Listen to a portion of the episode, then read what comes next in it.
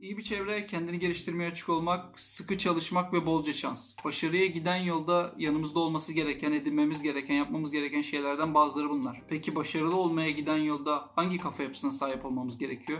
Gelin konuşalım. Öncelikle şununla başlamak isterim. Kolay kararlar zor hayat, zor kararlarsa kolay bir hayat yaşatır. Abur cubur yemek çok kolay bir karardır ama uzun vadede sağlığınız için zor bir hayat yaşatır. Sağlıklı bir beslenme düzeni oturtmak zor bir karardır ama uzun vadede rahat, hastaneden uzak, kolay bir hayat yaşamanızı sağlar. Her boş vakitte oyun oynamak kolay bir karardır. Oyun oynayarak para kazanmıyorsanız zor bir hayat yaşatır. Her gün en az bir saat bir şeyler öğrenmek zor bir karardır ama kolay bir hayat yaşatır. Zenginlik, ilişkiler, bilgi gibi çoğu kazanım bileşik getiriyle gelir. Bu da tam olarak uzun vadeli düşünmeyle ilgilidir. Aslında konuya biraz daha temelden girmek istiyorum. İnsanın maddi sermayesinin yanında yani evinin, arabasının, bankasındaki paranın yanı sıra sosyal de bir sermayesi vardır. Bu sosyal sermaye yıllar içinde yaptığı arkadaşlıklar, edindiği çevre, yaptığı işler ile doğru orantıda ilerler. Yani insan yıllar boyu ilişkileriyle, yaptıklarıyla, toplumda bıraktığı izlerle bir saygınlık inşa eder ve bu saygınlık sosyal sermayeye tekabül eder. Bu sayede yıllar boyu saygınlığını korumuş biri, saygınlığını korumamış ama onunla eşit şartlarda olan birine göre çok daha avantajlı başlar. Maddi sermayesi güçlü olan birinin parası olmayan birine nazaran çok daha hızlı ilerlemesi gibi. Toplum gözünde sevilen insanlara bir bakalım demek isterdim ama bunu biraz kısıtlamamız gerekiyor. Siyasetçi olan ya da siyasi bağlantılarıyla bir yere gelen insanları kenarda bırakarak toplum gözünde sevilen insanlara bir göz atın. Hepsi güvenilir. Yıllar içinde inşa ettiği ilişkilerle bir yerlere gelmiş insanlar. Yani sosyal sermayesinin bileşik getirisini kullanarak kendini yukarı çekmiş insanlar. Burada bu insanların uzun vadeli düşünüp düşünmemeleri aslında temel konumuz değil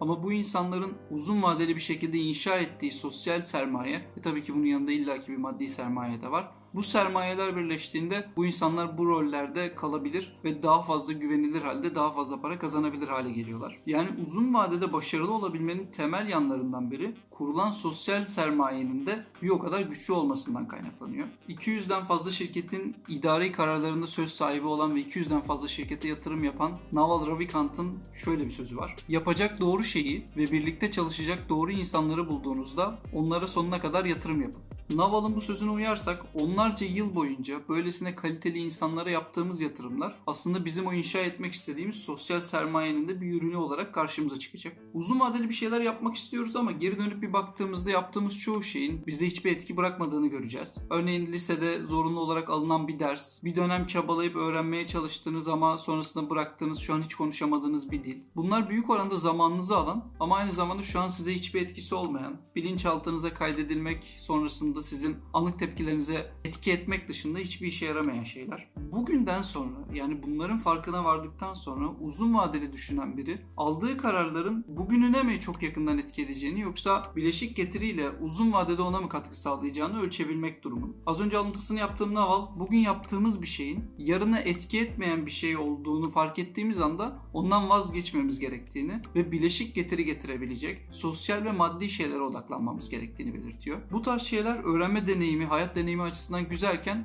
hedefe gitme doğrultusunda kesinlikle bize yardımcı olmayan, aksine zamanımızı çalan ayak bağı olan şeyler.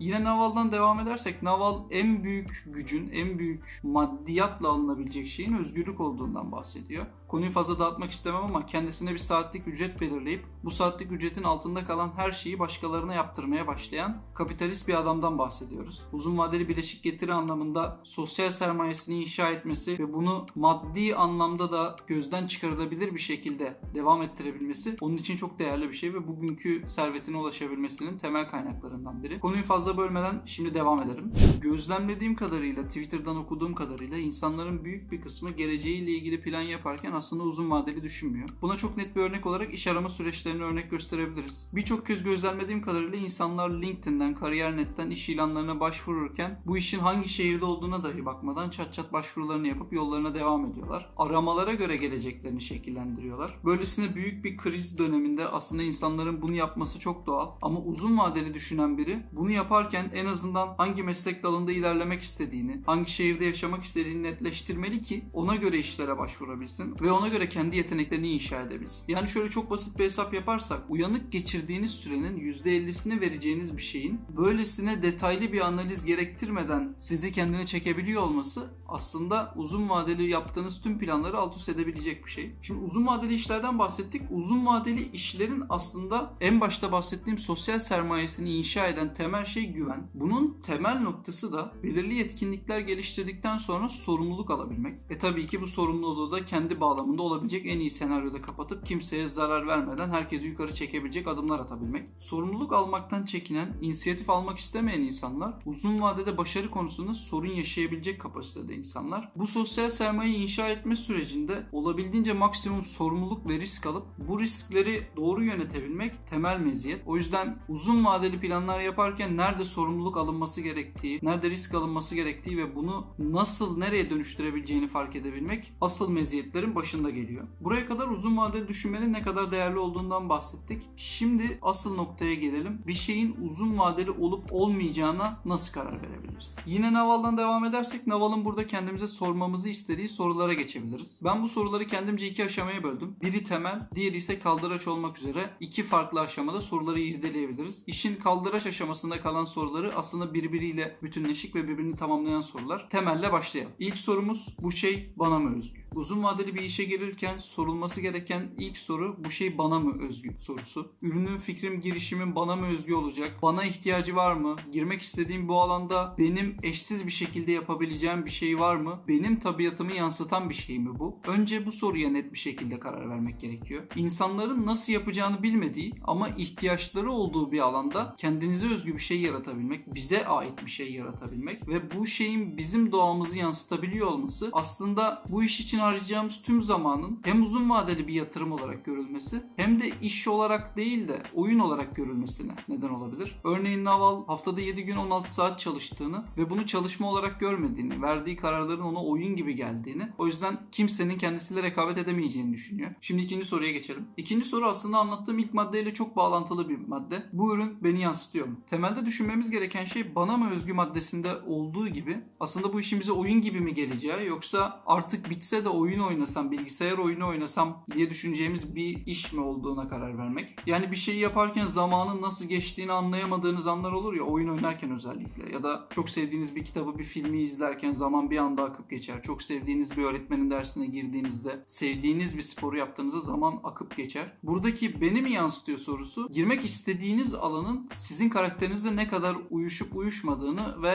burada geçirdiğiniz zamanın akıştaymış gibi hissettiğiniz yani zamandan bağımsızmış gibi hissettiğiniz şekilde olup olmayışıyla alakalı. Örneğin her gün yeni şeyler öğrenmeyi seven biriyseniz eğitim sektöründe bir şeyler yapmak, kendi kurslarınızı oluşturmak ya da kendi deneyiminizi aktarabilmek sizin için zamandan bağımsız iş gibi değil de oyun gibi gelebilecek bir alan. Örneğin bu tarz bir iş aslında size özgü, size ait, sizi yansıtan bir iş olarak karşımıza çıkabilir. İşin temel kısmını atlattık. Şimdi kaldıraç kısmına geçelim. Kaldıraç kısmı günümüz dünyasında bir şeyi çok daha hızlı bir şekilde, çok daha büyük bir şekilde yapmayı aslında amaçlayan bir alan. Kaldıraç başlığının altındaki tüm sorular temel alandaki sorular gibi birbirine çok bağlantılı ve birbirini tamamlayan sorular. Ama öncelikle kaldıracın ne olduğuna bakmamız lazım. Günümüz dünyasındaki kaldıraçları üçe ayırabiliriz. Biri emek, ikincisi sermaye, üçüncüsü ise marjinal çoğaltma maliyeti olmayan ürünler. Günümüz dünyasında bunları medya ve kodlama yazılım olarak adlandırabiliriz. Siz yokken de çalışan, siz uyurken de size para kazandıran, siz olmasanız da etkileşim alabilen, yeni insanların karşısına çıkabilen